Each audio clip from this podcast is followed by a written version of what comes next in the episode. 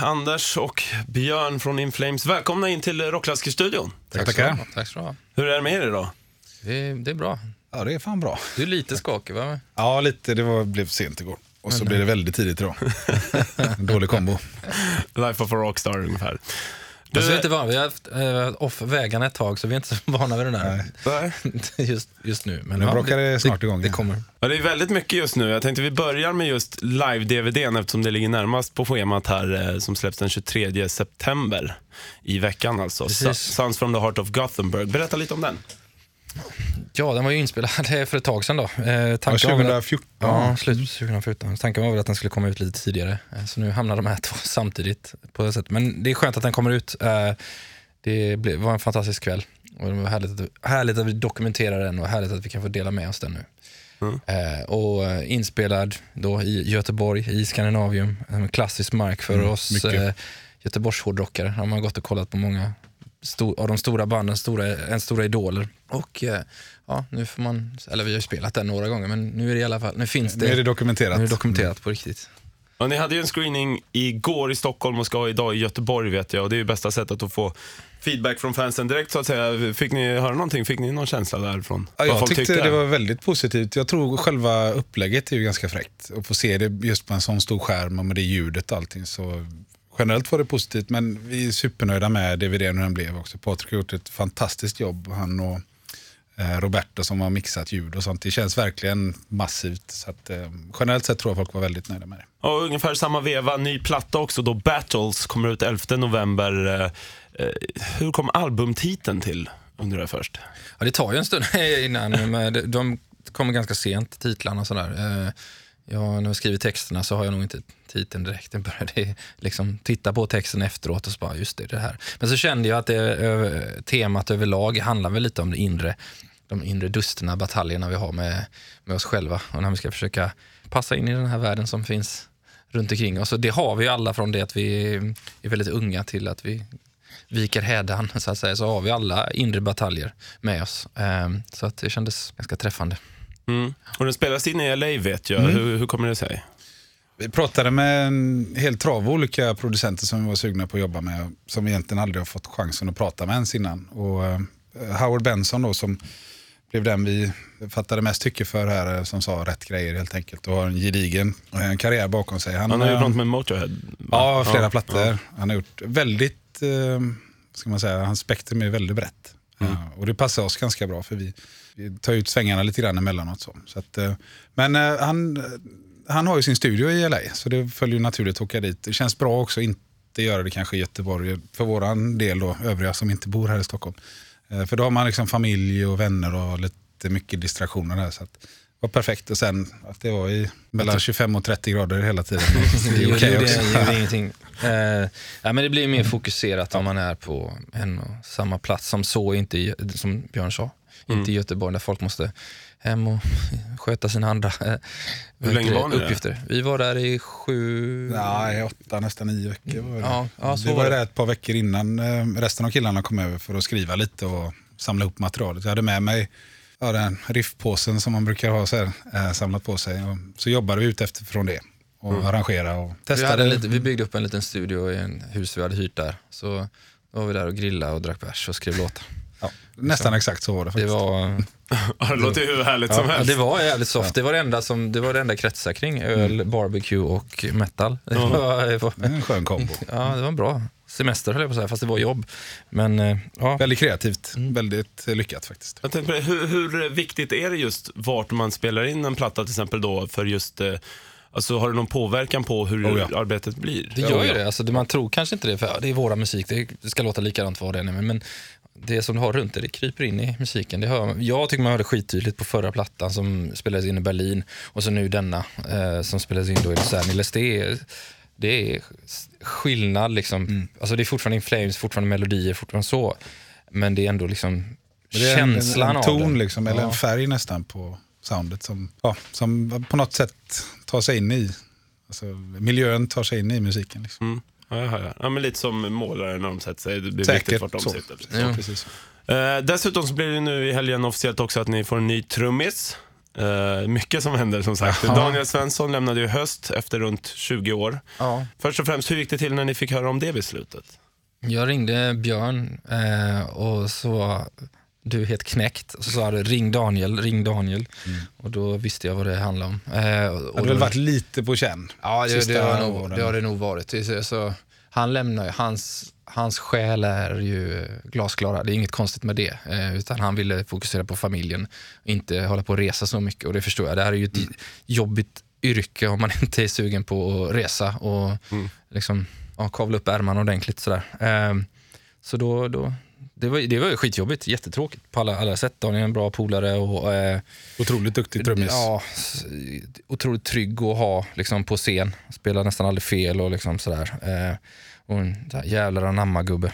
Liksom, eh, vinnarskalle. Så, eh, ja. Ja, med Men- allt det sagt så hade vi, vi planerade väl inte så långt som att vi vill inte ha någon, liksom, bara ta in någon trummis snabbt för att skriva plattan och så hoppas på att det funkar. Utan vi ville göra musiken först. Eh, och så tänkte vi spela in i LA.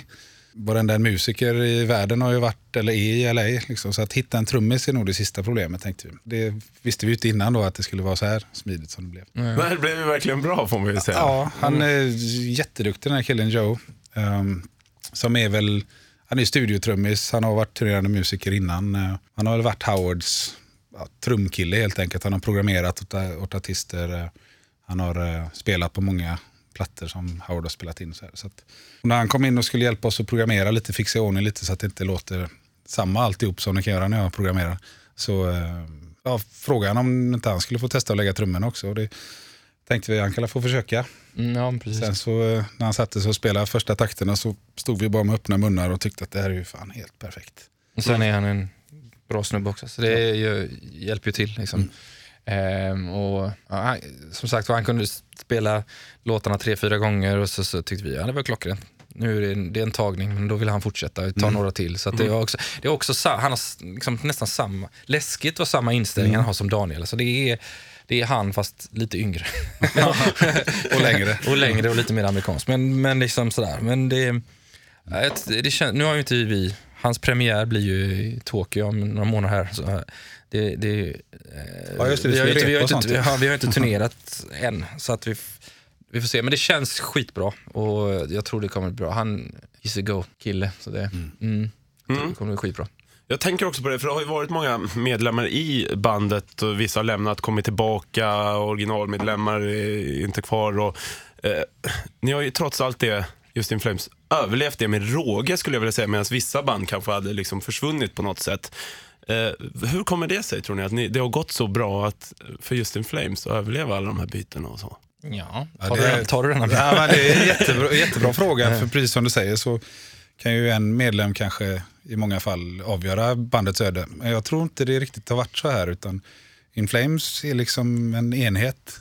Och sen om man byter ut någon del som inte funkar vid tillfället så har det i vårat fall bara gjort det starkare. Det är nog långt ifrån alla band som har den turen, eller den kemin tror jag. Så att, eh, ja, det har funkat, jätte, som du säger, jättebra och det är man ju tacksam för. Jag tänker det måste vara väldigt lätta att göra med allihopa och komma överens och Det så tror jag vidare. inte. Och, tror? Nej, det tror jag, jag tror det är lika komplicerat som alla andra Ja. bandmedlemmar. Men det här är det vi vill göra. Det är det vi älskar över allt annat. Och vi har förmånen att få göra det på en jättehärlig nivå. Liksom. Så att jag tror, kommer man in i det här gänget så fattar man att det är det vi vill göra. Sen försöker vi ha roligt runt omkring då såklart. Jag tror kollektivet är starkt. Liksom. Så här, vi är, en, som du säger, en enhet som är, det är större än den enskilda människan. Liksom.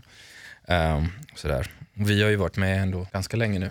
Ja, det är några år nu. Sen 95 liksom sådär. Så att eh, man har väl lite koll på hur det ska vara i alla fall. Sådär.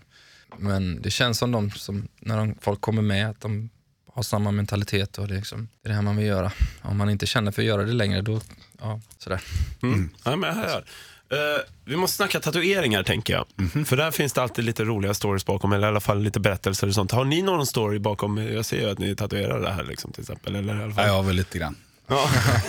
Jag har dolt dem just, just nu. Men, Har du någon story bakom någon tatuering? Jag har en, en riktigt bra, eh, kanske min vad ska man kalla, juvel, kronjuvelen. här. Våran eh, ljuskille Fredrik Stormby och jag och även Anders, vi var nog en hel gäng i backloungen i en turnébuss. Från Österrike tror jag det var. Österrike någonstans. Eh, Och så hade vi vår kompis Marcus Körling från eh, Skövde, han som brukar tatuera oss. Funny Farm. Han hade ju med sig grejer då. Han hade med sig hela den tatueringslådan. Och den hittade vi då mitt i natten. Så jag har en snygg, du kan få se den här lite snabbt. Du Det är bra radio. Vi har ju en gesterhead, en symbol, och det är någon, någon form av försök till säga Det är eh, hans eh, tolkning. skriet, eller ja, vet, det är hans finaste. Jag gjorde en på honom också. eh, och Jag misslyckades med min egen min autograf helt enkelt. Jag jag ser ut som en snopp. Han är Och jag gjorde, någon på, jag gjorde någon på Marcus, på tatueraren. Ja, just i, och det är ju under under influence och i farten. Full fart. Men sitter i backlounge och så zzz, zzz, ner i ljuden och så här, tryck lite hårdare. så här. så att det är jävla crooked writing har han. Ja, det var, Så nu, så nu lämnar ni eh, den väskan hemma, tatueringsväskan hemma? Eller? nej, den kommer nog till Den mig. får nog komma. Det var jätteroligt. Det var det, Men det var ju nära Daniel där fick någon, skulle bli tatuerad i ansiktet. Där. Det var så här, Oj gör det nu bara. Men så fick han väl, kom han väl till sina Nej, så att, eh, ja, ja, den åker säkert med igen. Ja, det finns ju hur mycket som helst. Jag har ju dessutom hört lite rykten om just eh, bussresorna och så. Busschaufförer, någon som sprang ut och slog ner någon eller något liknande. Ja, det var på en festival. Kom, det var någon som vi skulle ta oss ut från festivalområdet. Det var skumpigt och mycket trafik, mycket folk framförallt som sprang fram och tillbaka till något skogsparti. Så här, och det var lerigt och jävligt. Och så är det någon då som dunkar i rutan på turnébussen. Och Då var han nog redan jävligt han lack. var förbannad för han hade ju tagit han en halvtimme att ta sig Ja, ett par meter bara. ja. Så är det någon som dunkar på sidan av bussen och så tvärnitar han och så öppnar dörren, springer ut så hör man smack. så ser man ett par fötter som sticker ur en buske sen bara. Sen kommer han tillbaka in, stänger dörren, säger ingenting och så fortsätter köra. Han hade fått nog rätt tror jag. Lite. Och att ni skulle ha pissat ner någon busschaufför också. Det är mycket med busschaufförer för om er. Ni låter- ska jag inte säga. Nej, nej. Det låter värre än vad- Eller det var ganska roligt. Um, Chaffisen kommer upp i bakloungen där och säger till oss att uh, använd inte toaletten nu. För jag ska byta ut någonting under då. Jag kommer inte ihåg, var det Jeppe eller Peter som kom någon minut efter han hade sagt det? Ja, det är någon av de två, Jesper eller Peter, som inte har hört det och vi tänker inte på att säga till honom, använd inte muggen, säger inte vi. Utan, Nej. alltså du behöver gå, men gå på muggen då. Och så, så står han med nävarna under där och blir pinkad på då, så det var inte värre än så. Nej. Något så kissa, det låter så här. Ja, men det, det var jävligt roligt. What the fuck? Hur mycket så här en tysk eh, brytning. Ja, men vi, hade, ja, det, vi hade en busschaufför som han, han grät varje gång han åkte förbi eh, så här roadkills. Då började han gråta. Var det Fred det? Ja, Okej, ja. inte av att han själv körde utan bara Nej. körde Nej, förbi. han bara började liksom. gråta Ja, när man passerade dem. Och han även höll på att missa en avfart så han svängde till som fan. Så det var, den här bussen var tre bunkar liksom på höjden eh, i mitten där och då trillade våran, det var någon tekniker då, Mm. som, som, inte någon vi jobbar med längre, som trillade ner från sin bunk och då gick han, och det var på den tiden det var VHS-kassetter. Ja. Så då gick han och tog en och slet kassetten rakt i bakhuvudet när han körde. När han körde. Och han stannade inte och smällde Nej, till, utan han fortsatte bara. Han fortsatte väl gråta antagligen. Det var- Fantastiskt. Vart får ni era busschaufförer ifrån? Ja, det kan man undra. Ja. Nej, det. Det var hemskt. Han Genom lämnade- åren har man så Det jävla var många fruktansvärt för övrigt. Han, han, han, vi... Åh, vad dåligt. Det var dåligt av oss. Vi bytte. Vi bytte fast vi sa att vi skulle åka en... Till honom sa att vi skulle åka en viss tid, fast vi åkte tidigare. Så vi, Ni lämnade honom ja, alltså? vi lämnade honom. Oh. Usch. Så, jävla, så jävla lågt. Det var lågt. Och nu är vi ju inne på lite stories och minnen och så vidare också. Eh, ni, ni har ju träffat, ja ni har ju turnerat överallt nu hur länge som helst, över, ja, runt 20 år. Och har träffat de flesta och så. Finns det någon, eh, någon bra story med det? Jag tänker Iron Maiden har ni träffat. Hur var det att träffa dem första gången till exempel? Jag har inte pratat så mycket med dem faktiskt. Vi har tagit några foton och sagt hej i korridor och så bara. Men i övrigt var det inga... Jo, jag stötte på Adrian i Göteborg på... De, det var inte det tillfället vi spelade med dem på Ullevi, men det var något annat tillfälle. Men Nico är alltid trevlig. Han, Han är supertrevlig. Han snackar Men just jag stötte på, eller Adrian stod och försökte ta en öl i skymundan på Bishops Arms eh, Göteborg. Och då såg jag honom och stega fram med bestämda steg. Han är ju Adrian, måste köta med. Och fick tunghäfta så jag stod bara... Han måste trott jag var fullkomligt dum i huvudet. Och så han bara stod där med sin pint och tittade på mig en stund och så vände han sig bara om och gick. Så jag kände mig hur fånig som helst. Fick inte sagt någonting. Men de flesta vi har träffat med av de som man ser upp till har ju varit jävligt softa och coola och liksom är, inga excesser direkt. Sådär. Liksom. Inget man talar om i radio. Nej, framförallt. Ja, precis. Anders, jag vet att du är lite av en, eh, eller du är en whiskyfantast. eh, Ja, det har jag inte slutat med. Nej, vad bra. För jag tänkte fråga lite. Jag öppnade upp eh, min flaska La Frog här i helgen, som jag tycker är fantastisk. Men har du några tips till alla oss whiskyälskare? Ja, nej, vad man ska dricka. Någon, någon, någon sort, tänker Någon jag på. Mm. eh, ja, men alltså det, jag tycker det är mycket att ha med tillfälle, vem man är, vilka man är med. Och jag har ju druckit, som jag tycker var helt fantastiskt på ett ställe, som jag, och så gör den i min ensamhet och tar samma whisky, så är det inte alls samma sak. Så det, är, det är liksom lite, jag har, jag har inga sådana liksom, tips. Det är social dricka tycker jag. Ja. Det är sorgligt om man sitter och klink, klunkar själv. En liten kan man ju ta framför tvn eller till en god bok eller en god skiva eller vad fan som helst.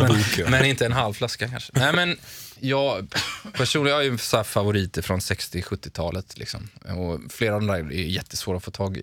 Jag har scoutat många, många flaska på eh, auktioner och sånt där. Eh, och får betala ett överjävligt pris ibland bara för att få tag i dem där. Men det är, när man väl hittar de där gyllene grejerna, så, då är det fantastiskt. Men om man inte letar... eh, Glenougie är ett sånt eh, destilleri som inte finns längre, som är svårt att få tag i. Men det är, deras bourbonlagringar från 60-70-talet är makalösa.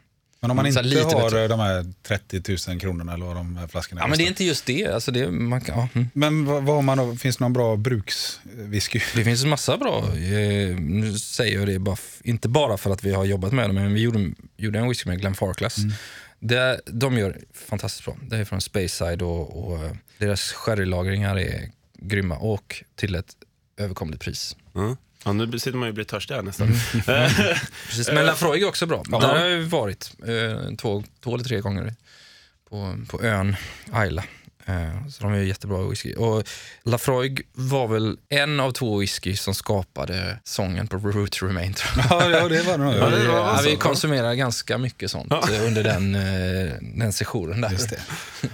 Förutom billig pilsner. Vi letade efter så billig pilsner vi kunde komma över. Ja. Eh, Min pils. Ja, till vi kom till ett pris det un- under kronan styck, så Ja, då då, var det då, okej. var, smakade det sådär alltså. Men det var ju ändå, det var ju Ja, ändå det var ett mål, gränsen, ja. mål att få det så billigt det bara gick. Fortfarande svindyrt. Ja, ja, avslutningsvis då, nu efter plattan och så, då väntas ju turné igen, förstår jag. Eh, Blir det hela världen eller? Ja, det är ju tanken och planen. Ehm, Det kommer nog bli Ja. hårt turnerande. Eh, Redan nu har vi ju ja, första giget i Japan och sen USA direkt efter det, par, fem, sex veckor. Och sen Storbritannien efter det och min misstanke är väl att det blir övriga Europa efter det. Så, festivaler se. och sen så har vi ju andra delar av världen som ska besökas och ska vi nog komma tillbaka till både Europa Precis. och USA några gånger. Så det vi har nog att göra i två år tror jag. Minst. Underbart. Tack för att ni kom hit och tack för allt ni har gjort för svensk metal och fortsätt eh, kötta Ja, på bara. Tackar. Ett poddtips från Podplay. I fallen jag aldrig glömmer djupdyker Hasse Aro i arbetet bakom några av Sveriges mest uppseendeväckande brottsutredningar. Går vi in med hemlig telefonavlyssning och, och då upplever vi att vi får en total förändring av hans beteende. Vad är det som händer nu? Vem är det som läcker? Och så säger han att jag är kriminell, jag har varit kriminell i hela mitt liv men att mörda ett barn, där går min gräns. Nya säsongen av Fallen jag aldrig glömmer på Podplay.